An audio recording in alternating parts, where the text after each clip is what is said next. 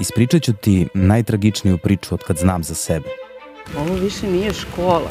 Zgrada u kojoj je ubijeno desetoro duša, ona ne može više da bude škola. Priču o danu koji je promenio sve. Taj dan je za nas, da kažem, promenio život kao i za sve ljude koji su gubili decu i pa ja mislim i za državu i za sve kod nas. Ja sam bukvalno taj dan prvi put umro.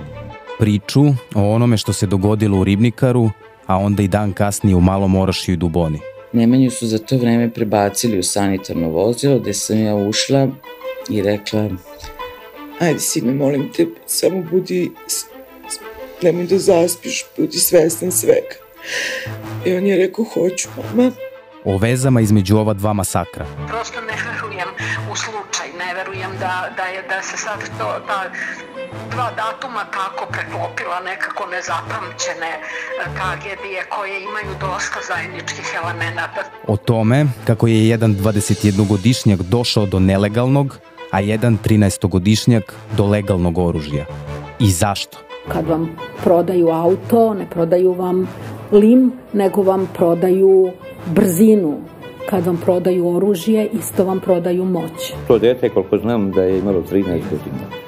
To nije ni fizički, a ni mentalno zdravo da koristi tako oružje.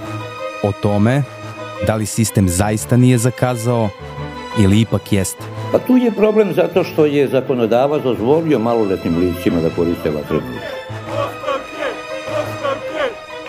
utisak je da kod mlade osobe nema izraženih sklonosti ka asocijalnom ponašanju. Kako je to moguće? Pa ne znam. Negde je očekivano da se odgovornost traži, ali nisam baš sigurna da je potrebno da skidamo glave zbog toga. Ja sam Stefan Marković, novinar Cinsa, a ovo je prvi istraživački podcast serijal Tragovi. Prva sezona Zao čas. Koleginica Jovana Tomić radila je sa mnom na ovoj priči o prvom masovnom ubistvu u jednoj školi u Srbiji, ali i o ubistvima u selima nedaleko od Beograda koje su sledila samo dan kasnije i o tome gde smo svi mi kao društvo nakon ovih nezapamćenih tragedija. Ta rana zarasta, pa ta krasta otpadne ili ostane ožiljak. I ovaj je prilično ružan i dubok.